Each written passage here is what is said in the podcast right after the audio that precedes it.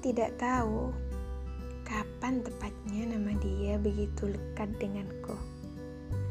Suaranya yang membuat hatiku berlompatan seakan-akan memiliki tangan. Dan rasa itu diam-diam menarik sudut bibirku dengan sangat perlahan. Ya, sehingga yang aku ingin lakukan hanya berbagi senyum dengan dunia, berbagi tawa dan kebahagiaan. Dia sebatas bayang, dia hanya ilusi mengenai kekasih impian yang aku bangun sendiri. Entahlah kenapa aku melakukan ini.